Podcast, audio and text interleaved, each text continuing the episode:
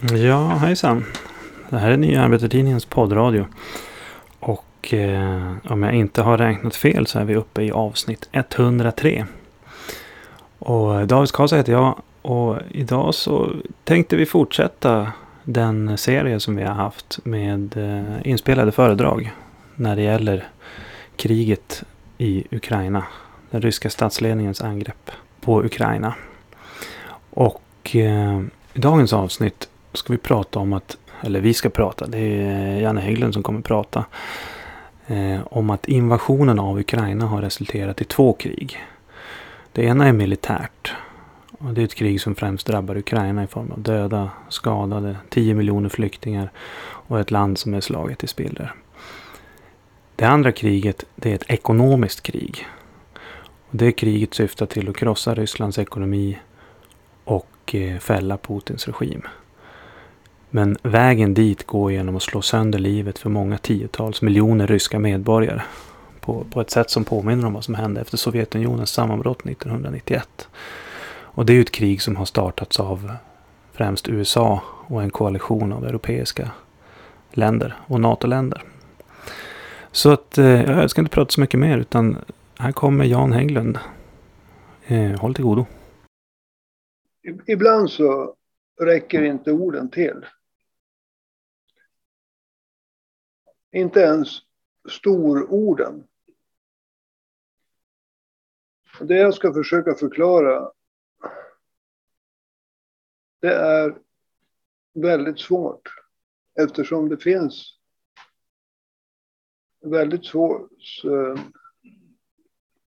få händelser i världen som det går att jämföra med. Som ni vet så har vi tagit ett väldigt kraftfullt ställningstagande mot Putins regims militära angrepp på Ukraina. Och vi har sagt ett omedelbart eldupphör. De ryska trupperna ska dra sig tillbaka. Och vi skulle kunna tillägga att Ryssland ska bidra till återuppbyggnaden av Ukraina.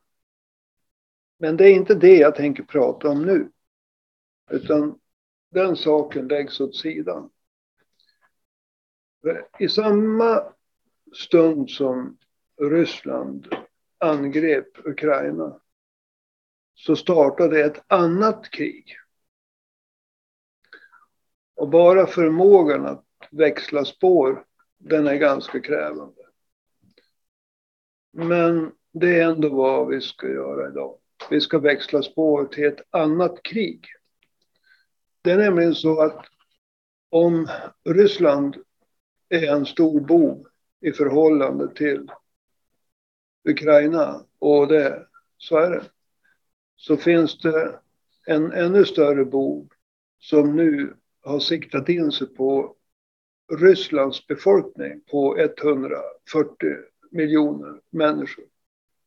Det pratas väldigt mycket om sanktioner. Jag tror att de flesta här vet vad tusen nålar är. Man tar i en persons arm och så vrider man den åt två, gång, två håll. Och då sticker det i armen. Det är vad en sanktion är. En e- ekonomisk sanktion, det är någonting som irriterar och i värsta fall gör det ont. Men hellre en irritation som gör ont än att få armen avhuggen. Ni känner alla till att ordet kan få makten över tanken. En sanktion, det låter ju inte som någonting annat än tusen nålar. Men de åtgärder som USA tillsammans med Europa och ytterligare ekonomiska stormakter som Japan Australien. Och varför jag säger Europa därför att Storbritannien finns inte med i EU. Och därför säger jag Europa. För att få med Storbritannien. De ekonomiska sanktioner som eh, USA med allierade har satt in mot Ryssland är inga sanktioner. Begreppet sanktioner leder tankarna fel. Det handlar om ett ekonomiskt krig det handlar inte om ekonomiska sanktioner. Det handlar om en ekonomisk krigföring som jag tror inte att världen har sett någon motsvarighet till. Eh, I de väldigt mycket material som jag har tagit del av så jämför man de ekonomiska sanktionerna, det vill säga den ekonomiska krigföringen mot Ryssland med det som eh, Nordkorea har blivit utsatt för. Och Iran har blivit utsatt för. Och Venezuela har blivit utsatt för. Men om jag ska vara alldeles uppriktig så tror jag inte att vare sig Nordkorea eller Iran eller Venezuela har blivit utsatt för det Ryssland blir utsatt för nu. Innan invasionen av Ukraina ägde rum så hade Ryssland världens fjärde eller femte största guld och valutareserv. Den uppgick till 650 miljarder dollar. Och då var ungefär, fem, fem, ungefär en femtedel i guld hemma i Ryssland. Och fyra femtedelar, som alla länder gör, man placerar det i aktier över hela världen. Eller obligationer. Eller man köper hus. Alltså, det är inte som i Kalanka där Joakim har en badbassäng full av guld, utan man placerar pengar. För att de ska arbeta och bli mera pengar. Enligt de uppgifter som vi har kunnat få fram så har USA med allierade lagt beslag på, tagit kontroll över mellan hälften och två tredjedelar av Rysslands valutareserv. Alltså, och det, i den ingår guldet. Vad det här innebär det är att Ryssland kommer att få fruktansvärt svårt att försvara värdet på sin valuta. Och jag menar den svenska kronan kan gå ner 10 procent dag ett, den kan gå upp 10 procent dag två och så vidare. Men om ett lands valuta faller med hälften, vilket Rysslands valuta gjorde, då eh, startar en process som är katastrofal. Det första som händer det är att alla importerade varor blir väldigt mycket dyrare. Och då så sprider det sig genom hela ekonomin. Ryssland lyckades parera den stöten. Och, och, och låt mig förklara. När man slår till mot ett lands valuta, då slår man inte mot hakan. Då slår man mot struphuvudet i avsikt att döda landets ekonomi. Ryssland lyckades utan sin valutareserv att använda gas och olje, inkomster från gas och oljeexport för att parera den första stöten. Men hur länge man klarar av det, det är väldigt oklart. Men alla de pengar som Ryssland får in via sina stora inkomster från försäljning av gas och eh, olja. En, en väldigt stor del av dem, jag vet inte hur stor del, de går nu varje dag åt att hålla uppe värdet på, på, på den ryska rubeln.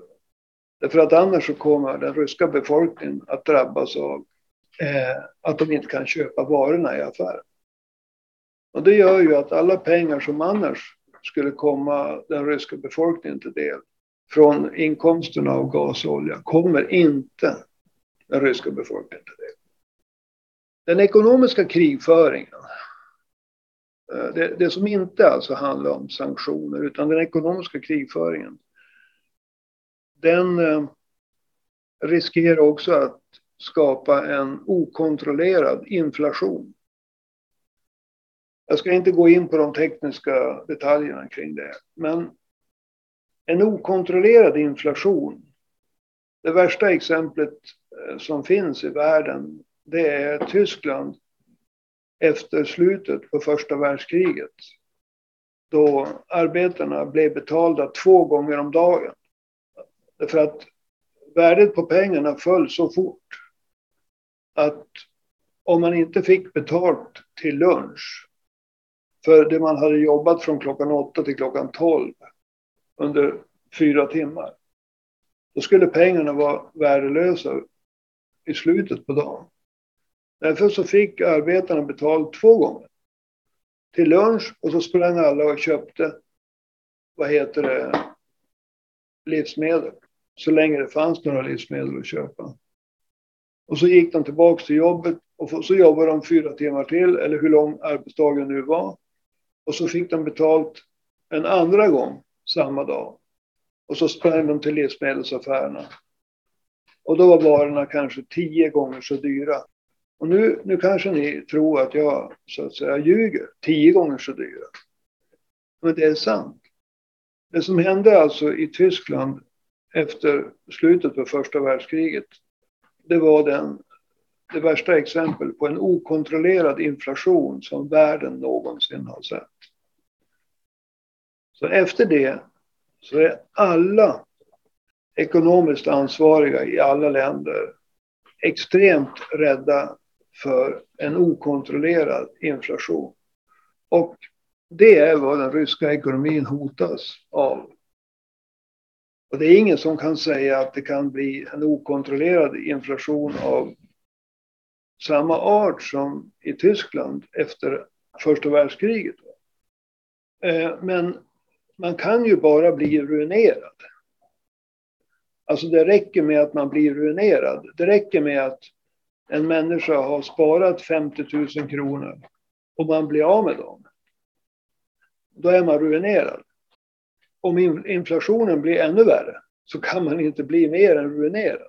Det som hotar Ryssland det är en tillräckligt stark inflation för att radera ut i stort sett alla vanliga ryska medborgares små besparingar. Oligarkerna kanske klarar sig därför att de kanske har köpt diamanter och guld och har sina pengar utomlands. Fast nu läggs det ju beslag på dem. De enda som klarar sig, det är de som har fasta värden. Till exempel hus och fabriker och så.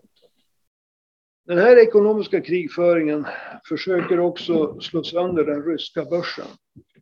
Ni vet att man handlar med aktier och valutor och obligationer. Och eh, jag ska ta ett exempel. Världens största kapitalförvaltare, eh, det heter Blackrock. Blackrock. Och eh, de hade värden på ryska börsen eh, som uppgick till 18 miljarder dollar.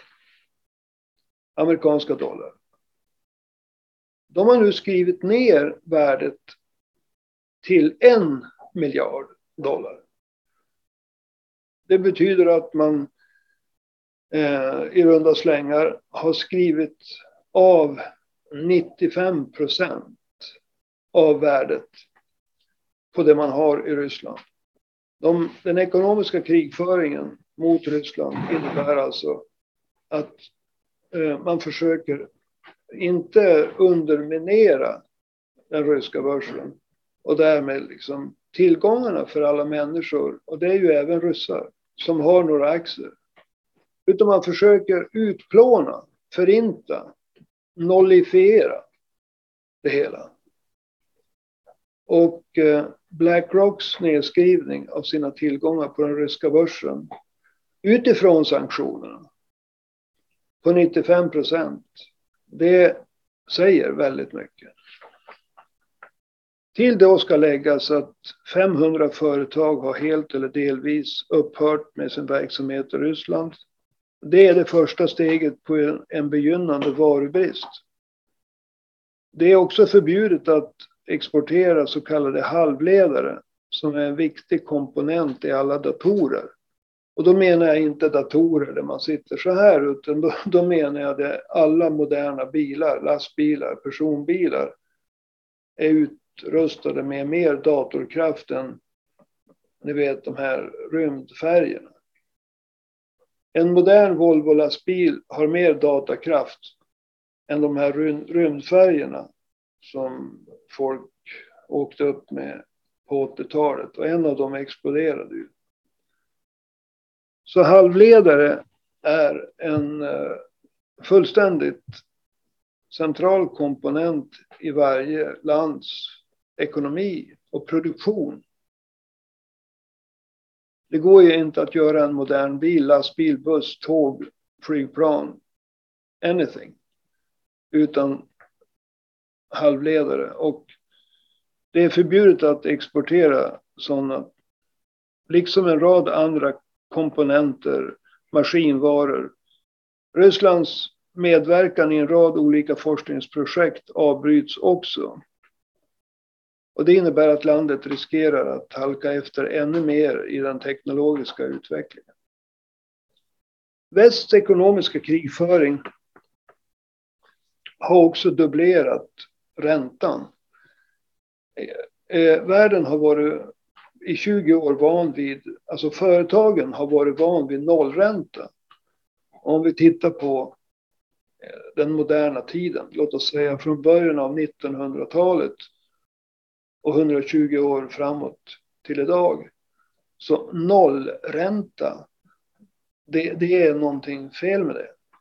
Men ändå så har det varit nollränta som har gällt. Av Eh, faktorer som skulle ta alldeles för lång tid att eh, gå igenom. Naturligtvis, ni och jag, om vi går in på banken och lånar pengar, då kommer inte banken att säga, ja men ni får förfoga över de här pengarna utan att betala ränta. Det har gällt företag, alltså. stora företag, de har haft nollränta. I Ryssland så var räntan 9,5 procent innan kriget började. Idag är räntan i Ryssland 20 procent. Vad betyder det? Jag ska inte försöka ge en grundkurs i ekonomi. Jag kan bara säga så här att om det finns 100 projekt som ett företag kan ta itu med. Så huruvida man vågar ta itu med dem, det beror på hur mycket ränta man får betala för pengarna. Därför att när ett företag eh, tar itu med en satsning, då lånar man alltid pengar först. Och sen så bedömer man lönsamheten. Och så räknar man ut hur mycket man behöver för att projektet ska gå jämnt upp. Och så vill man göra en liten vinst. Men om räntan är 20 procent, då faller kanske fyra femtedelar av alla tänkbara projekt bort. Och det innebär att med en ränta på 20 procent så bromsar ett lands ekonomiska verksamhet ungefär på samma sätt som när en bil kör in i väggen i 100 kilometer i timmen. Det blir alltså tvärstopp. När den ekonomiska verksamheten stannar på det sättet så uppstår det massarbetslöshet inom en relativt kort period. Jag kan inte säga att jag vet att det sker på en dag. Jag kan inte säga om det sker på en vecka. Jag kan inte säga att det sker på en månad. Men jag kan säga att det kommer att ske inom ett antal månader. Och eftersom jag inte vet hur mycket ryska arbetare har, om de överhuvudtaget har en a-kassa. Jag tror att en del arbetare har a-kassa i Ryssland. Jag tror inte att den är mycket. Det innebär att eh, det blir allt färre människor som har pengar att handla någonting för. Och samtidigt så ökar inflationen i Ryssland. Och eh, Inflationen i Ryssland har ökat till 15 procent. Det är en väldigt hög inflation om man tittar på Sverige. Alltså det betyder att den ryska befolkningen idag kläms mellan någonting som kommer att bli inom en relativt snar framtid en ökad arbetslöshet Det innebär minskade inkomster. Man får mindre pengar i plånboken. De pengar man har kommer på grund av inflationen att bli mindre värda. Men det som kommer att göra situationen ännu värre det är att det kommer att bli mindre varor att handla för. Och det innebär att inflationen kommer att pressas upp ännu mer. Och lägger man då ihop alla de här åtgärderna, det är då man kommer fram till att det här handlar inte om sanktioner. Begreppet sanktioner, det leder tanken fel. Det leder tanken till tusen nålar. Utan det här är att hugga av armen. Det här är ingenting annat än ekonomisk krigföring. Och det är en ekonomisk krigföring riktat mot ett land som är det största i världen geografiskt. Som har, tror jag, någonstans mellan 130 och 140 miljoner invånare. Som är utrustade med kärnvapen och som är inträngd i ett hörn. Och än så länge så finns det inga som helst eh, tecken på att Putin skulle förlora befolkningens förtroende. Men naturligtvis så är de här sanktionerna till för att om Ryssland kastas tillbaka i tiden så är ju naturligtvis tanken inte att eh, Putin ska sluta fred i Ukraina. Det här handlar inte om att Putin ska sluta fred i Ukraina. De här, den här ekonomiska krigföringen, den har bara Ukraina som förevändning. För att en gång för alla avsluta jobbet. 1991 så föll Sovjetunionen samman. Och det kan vara bra för alla att veta vad som hände med befolkningen i Sovjetunionen då. Jag har tagit upp det tidigare när vi har pratat om världsordningarnas fall. På sju år, under loppet av sju år, så sjönk Eh, medellivslängden på den manliga ryska befolkningen med sju år. Och tittar vi på både män och kvinnor i Ryssland efter Sovjetunionens fall och sju år framåt så sjönk medellivslängden på, den, på hela den ryska befolkningen med fem år. Det finns inget annat exempel i fredstid i världshistorien som jag känner till Ja, det ska vara präst, pesten i, i, i Europa på 1300-talet då vi kan hitta något annat. Någonting liknande. Va? Men alltså i modern tid så finns det ingen jämförelse. Och vad den ryska befolkningen eh, har att förvänta sig. Det är en situation som liknar den som eh, landet befann sig i efter Sovjetunionens fall. Och det var många, många som dog eller som märktes för livet av det. Varför bedriver väst det här kriget mot Ryssland? Det finns åtminstone två skäl som inte har med Ukraina att göra. Jag har tidigare pratat om att Kina har rest sig som en ekonomisk gigant. Och Kina är nu världens verkstad. På 20 år så gick Kina från att producera cirka 6,5 procent av all industriproduktion i världen. Så var det år 2000. 20 år senare så hade Kina gått från att producera 6,5 procent till att idag producera 26 procent av världens industriproduktion. Och när man eh, producerar över en fjärdedel av världens varor så drar det med sig ett, en kunnande när det gäller forskning och utveckling. USA har under samma 20-årsperiod gått från att tillverka 25 procent och har nu fallit till 16 procent. Så USA var den största industriella producenten har ersatts av Kina. Och ni minns också att vi gick igenom eh, Kinas utrikespolitik med The Belt and Road Initiative, alltså den nya sidenvägen.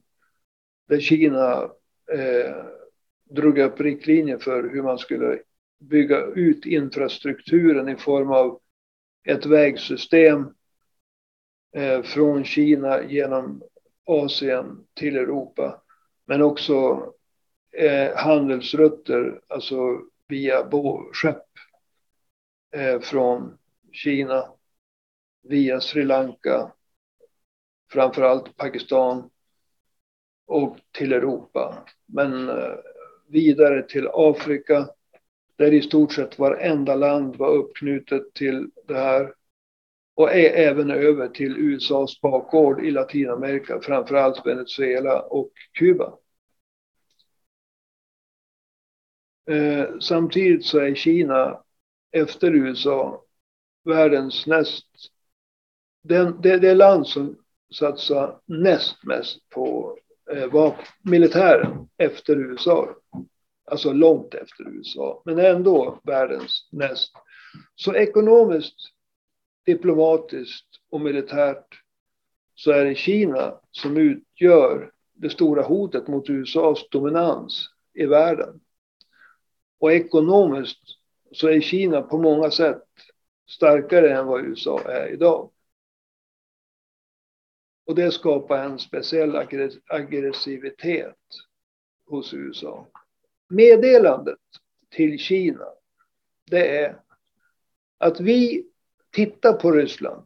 Vi kommer att förinta Rysslands ekonomi.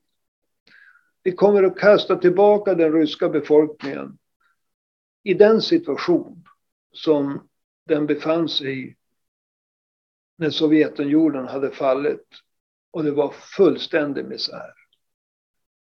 Det vi kan göra mot Ryssland, det kan vi åtminstone försöka göra mot er. Så därför Kina, backa. Det, det här är en väldigt tydlig markering mot Kina. Eh, det andra det är att Ryssland, alltså USA vill alltså knäcka Ryssland en gång för alla. De knäckte inte Ryssland när Sovjetunionen föll. De, var, de, de hade så att säga fullt upp med att uh, utkämpa det första Gulfkriget mot Irak. Samma år, 1991. Så Ryssland fick eh, en ny chans kan man säga. Och under Putin då, som hade tur med priserna på gas och olja så har Ryssland repat sig. Men Ryssland har hela tiden haft sina kärnvapen så man kan inte behandla Ryssland hur som helst.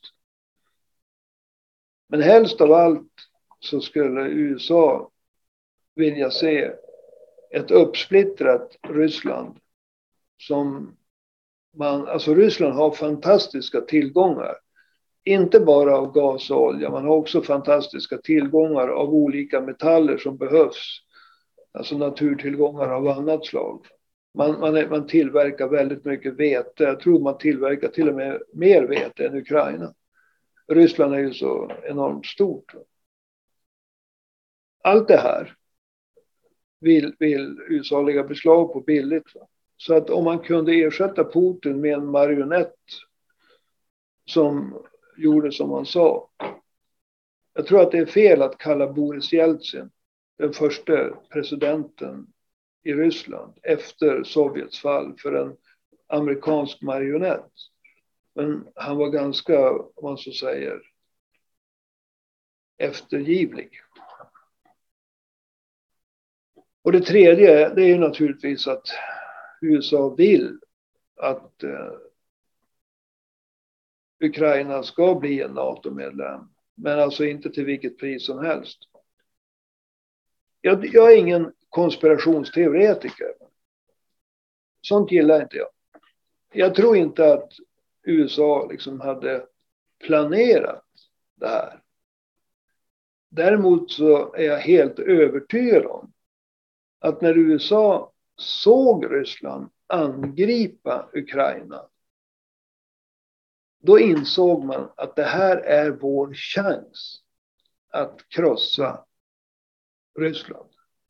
Det är många människor och även vi som är med i Arbetarpartiet som har läst alla spekulationer om storkrig.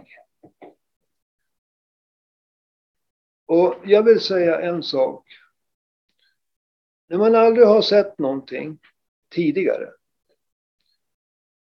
så är det svårt att känna igen det när man ser det första gången.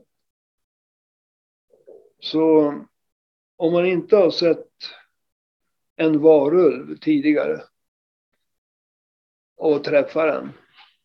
Så då säger man fin kisse och så kliar man varulven bakom öronen. Varför ska man inte göra det? Man har ju aldrig träffat en varulv förut.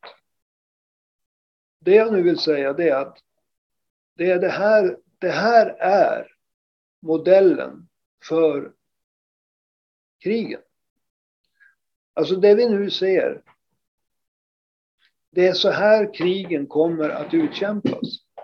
Det finns bara en enda gång i världshistorien som ett krig har utkämpats med någonting annat än konventionella medel. Och nu får ni inte missförstå mig.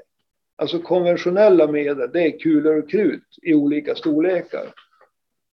Och kulor och krut idag, alltså det man kallar konventionella stridsmedel, de är fruktansvärt hemskt. Alltså det är bara att titta på alla bilder. Men man brukar göra en skillnad mellan konventionella krigsmedel och ABC, alltså kärnvapen som är atombomber. Eh, B. Biologiska stridsmedel. Och C. Kemiska stridsmedel. Och även om USA fällde två kärnvapen eh, på Japan i slutet på andra världskriget så var det inget kärnvapenkrig. Det var en cynisk test av USA för att, som de sa, få slut på kriget fortare. Men det var inget ömsesidigt krig där alla slänger kärnvapen på varann.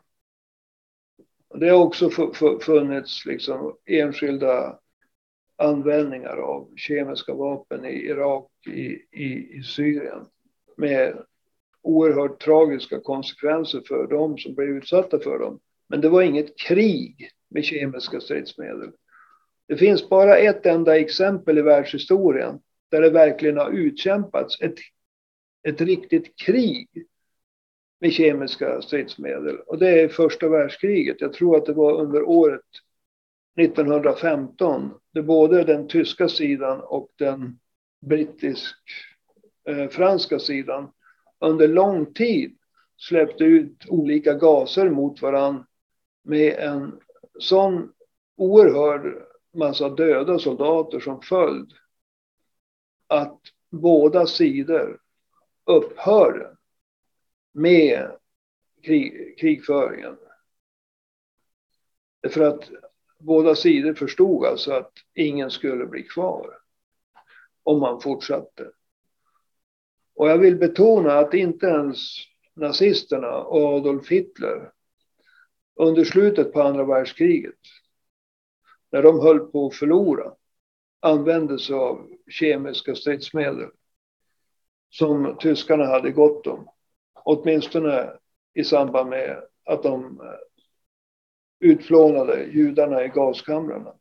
Men inte ens Hitler använde kemiska stridsmedel, vilket skulle ha varit väldigt lätt att skjuta iväg på London med raketerna. Men han visste ju att de skulle få tillbaka det genom de tusenhövdade flygplansflottor som flög över Tyskland och bombade. Så vad jag vill säga till er, det är att det vi ser nu, det vi ser eh, USA med allierade, Europa, Japan, Australien och så vidare. Det här är framtidens krig. Det är en kombination av konventionella eh, vapen, eh, det man brukar kalla eh, vad, vad heter det när man använder datorerna? Cyber. Cyberattacker för att lamslå länders olika system av allt. Allting går ju på data nu. Alltså konventionella vapen, cyberattacker, eh, propaganda genom att försöka ta över ja, näten och gammelmedia. Och framför allt ekonomisk krigföring. Och då menar jag inte sanktioner. Utan då menar jag ekonomisk krigföring som kan radera ut ett lands alla förutsättningar att försörja sig själv och kasta tillbaka landet in i, eh, om inte stenåldern, så svält, undernäring och en sjunkande medellivslängd. Vilket innebär alltså, alltså tänk, tänk efter, den ryska befolkningen eh, på sju år sjönk medellivslängden med fem år. Hur många människoliv gick till spillo i döda? Hur många människoliv gick till spillo i eh, att man liksom, barnen inte fick tillräckligt mycket mat och därmed fick skador? Hur många, hur många liv blev förstörda? Alltså det är en ekonomisk krigföring handlar liksom inte bara om att man sitter och tittar på sin bankbok och säger jag hade 50 000, nu har jag noll. Det handlar om att förut hade jag mat på bordet, nu svälter jag. Det handlar om att se sina egna döttrar gå ut och prostituera sig för att komma hem med mat, pengar till mat, för att inte den minsta som är sex månader ska svälta ihjäl. Det handlar om att se sina döttrar gå ut och prostituera sig för att komma hem med pengar så att det går att köpa mjölk om det finns kvar mjölk på affären. Så att inte den minsta i familjen på sex månader ska dö av svält. Det är den ekonomiska krigföringens ansikte. Det är erfarenheterna av Tyskland efter slutet på första världskriget. Och det är dit den amerikanska ekonomiska krigföringen som är riktad mot Ryssland idag syftar. Jag ska avsluta med att säga att, att eh, jag vill lyfta ett varningens finger. Men innan jag avslutar så vill jag säga att det här ändrar inte vårt förhållande en sekund.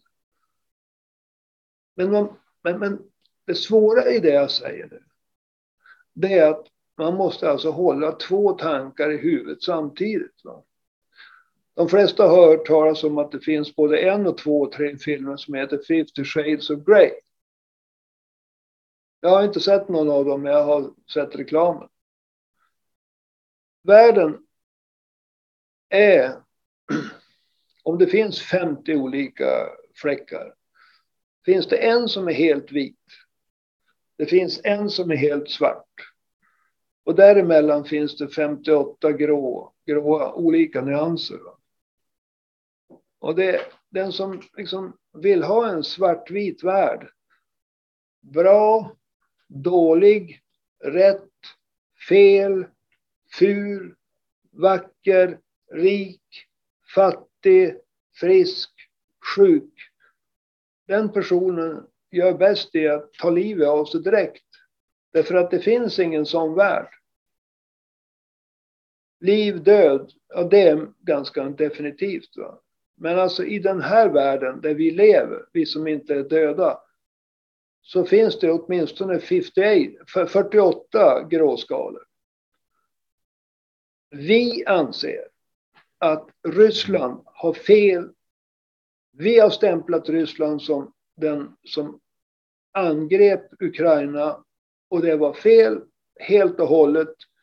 Vi har gett ut ett, 300 stycken vykort till ungdomar och även äldre för att hjälpa dem att ta det första steget i ett kanske djupare engagemang. Vi har haft torgmöten. Vi har skrivit bloggar, vi har skrivit artiklar. Det finns ingen tvekan om var vi står i förhållandet mellan Ryssland och Ukraina. Ryssland är större än Ukraina. Ryssland angrep. Ryssland har fel. Eld upphör, Ryska trupper bort från Ukraina. Och Ryssland, kan vi lägga till, borde bidra till att bygga upp Ukraina. Men det kommer inte Ryssland att kunna göra sedan den ekonomiska krigföringen är klar. För då kommer inte ryssarna att kunna äta. I förhållande till USA med allierade, där skamligt nog Sverige ingår. De för alltså en krigföring, inte mot Putin och klicken kring honom. De bedriver en krigföring mot den ryska befolkningen.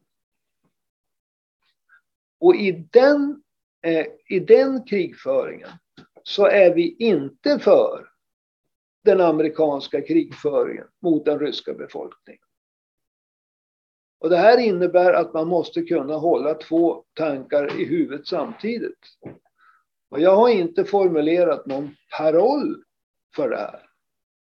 Man börjar inte med att formulera catchy paroller, utan man börjar med att försöka förstå någonting som jag inte förstod förrän i fredags.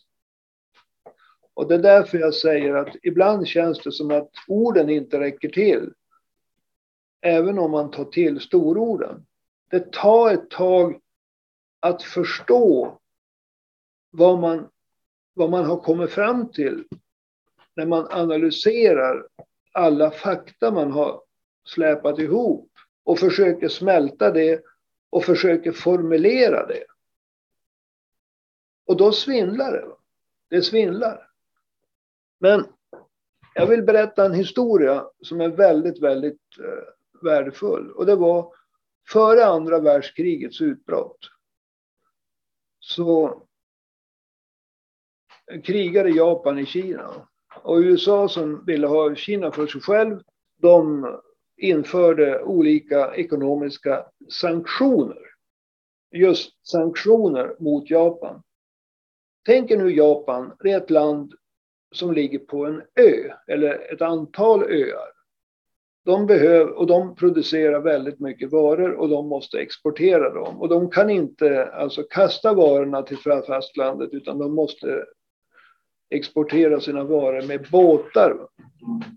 USA hade en ambassadör i Tokyo som är ju Kina, eh, Japans huvudstad. Och den ambassadören han varnade USA. Driv inte sanktionerna längre mot Japan. För att det kan eh, pressa Japan till att starta ett självmordskrig mot USA. Eh, och det sa han till den amerikanske utrikesministern. Ändå så införde USA ett oljeembargo mot Japan. Och det innebar att Japan fick ingen olja. De fick ingen möjlighet att, att exportera sina varor. Japan hade kanske olja för sex månader. Och då hade USA trängt in Japan i en situation där hela den japanska kulturen, där det är en oerhört viktig del att inte tappa ansiktet, kunde inte acceptera att falla på knä och be om nåd. Utan ungefär sex månader innan den japanska oljan tog slut så anföll Japan USA den 7 december 1941 i någonting som har gått till historien. Det kallas attacken på Pearl Harbor. Det var USAs eh, flottbas i, eh, på Hawaii.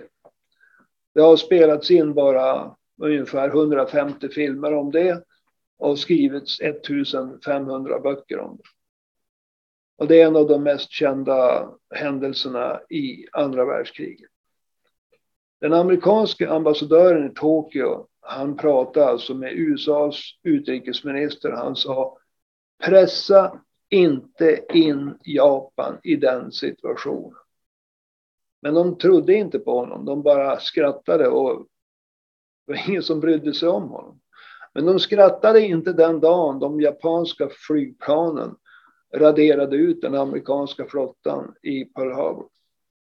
Och sen så var USA indraget i ett krig eh, med Japan som slutade med att USA fällde två kärnvapen.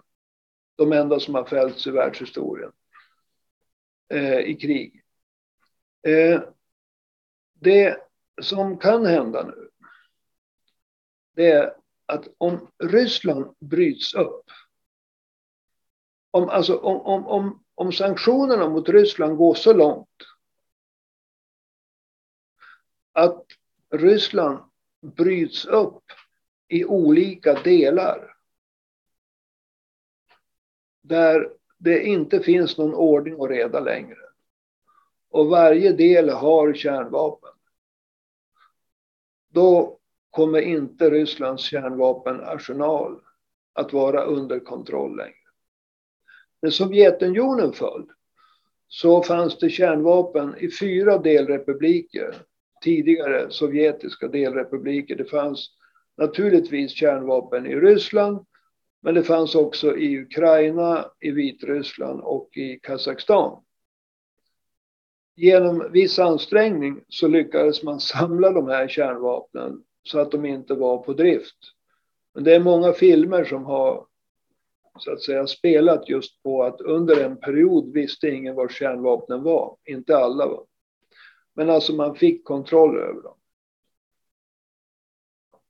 Om Ryssland bryts upp och det totala kaoset utbryter så kommer det återigen att uppstå en situation där ingen har kontroll över kärnvapnen. Och i det läget, om den ryska statsbildningen faller samman, då gäller inte det jag sa. För jag är övertygad om att krigen inte kommer att utkämpas med ABC, alltså kärnvapen, biologiska vapen och kemiska vapen.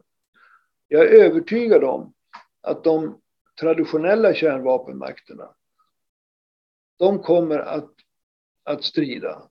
Alltså, det kommer, det, det, det, de storkrig som kommer att ske mellan dem, det är det vi ser nu. Och vi känner inte igen det, det är för att vi har inte sett det förut.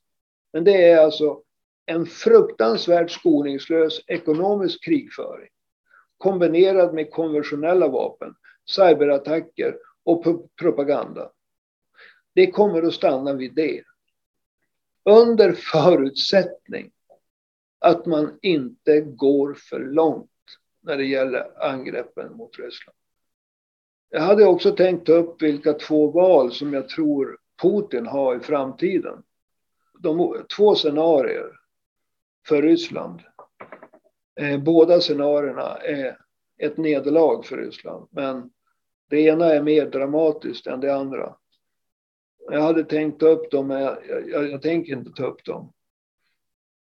Utan jag vill stanna med att eh, säga att den här analysen som jag nu har lagt fram det finns ett uttalande från en mycket högt uppsatt amerikansk tjänsteman. Det här hittar vi idag. Det är daterat den 6 april, det är igår. The ban on investment in Russia was coordinated with the EU and G7 and part of an effort to methodically eject Russia from the international economic order. Alltså man ska metodiskt radera ut Rysslands deltagande i den ekonomiska världsgemenskapen. Eh, Och eh, den här talespersonen för USA sa att eh,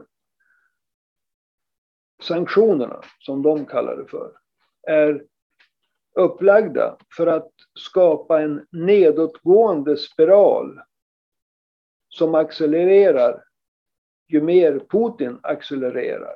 Nu hör det till saken att Putin har slutat att accelerera.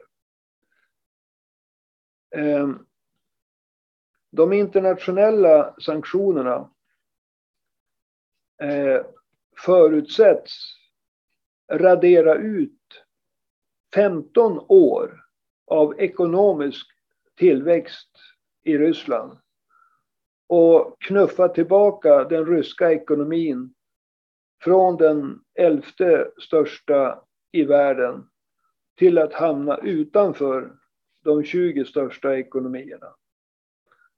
Och sen säger man att eh, den ryska befolkningen kommer att bli tvingad att köpa knock-off products. Ja, men det är andra eller tredjehandsprodukter och kläder. Och eh, tvingas tillbaka till samma nivå av le levnadsstandard som fanns på Sovjettiden. Alltså den analys som vi gjorde i fredags, den kan vi läsa om i en nyhetsbyrå som heter Axios som är en av de bästa. Nästan ord för ord, det vi kom fram till i fredags kunde vi läsa i Axios som vi hittade. Eh, och den är skriven eh, igår. Så att den analys som vi har gjort, den, den stämmer överens med vad USA själva säger att de är ute efter. Och eh, nu känns det som att det här är ju, alltså vi har, vi har, vi har det svart på vitt. Det här är vad USA är ute efter. Alltså, det här är inte sanktioner. Det här är krigföring. Och jag tänkte stanna med det. Det vi vill det är att presentera att världen har sannolikt alltså gått in i ett nytt skede. Det stämmer helt överens med vår analys om att vi är inne i en period som påminner om den mellan 1914 och 1949 då allting ställdes på ända. Det här stämmer precis in i det. Exakt vad det här ekonomiska kriget mot Ryssland kommer att innebära, det är svårt att säga. Men det passar som hand i handsken eh, när det gäller den eh, världsprocess då allting ställs på huvudet som vi är inne i. Okej. Okay. Ja, men det var allt för idag då. Eh, kan inte tacka Jan Hägglund. Det där var en inspelning. Han är ju inte här där jag är och spelar in det här. Men eh, om du som lyssnar tycker att det här var ett eh, intressant avsnitt och tycker att vi gör en bra podd.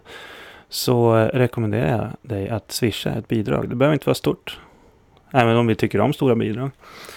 Det kan även vara litet. Numret är 123 504 7105. Alltså 123 504 7105. Varje bidrag betyder väldigt mycket för oss. Så att eh, även om det är liksom 20 eller 2000 kronor eller någonting däremellan så uppskattar vi det väldigt stort. Då hörs vi igen nästa vecka. Hej då!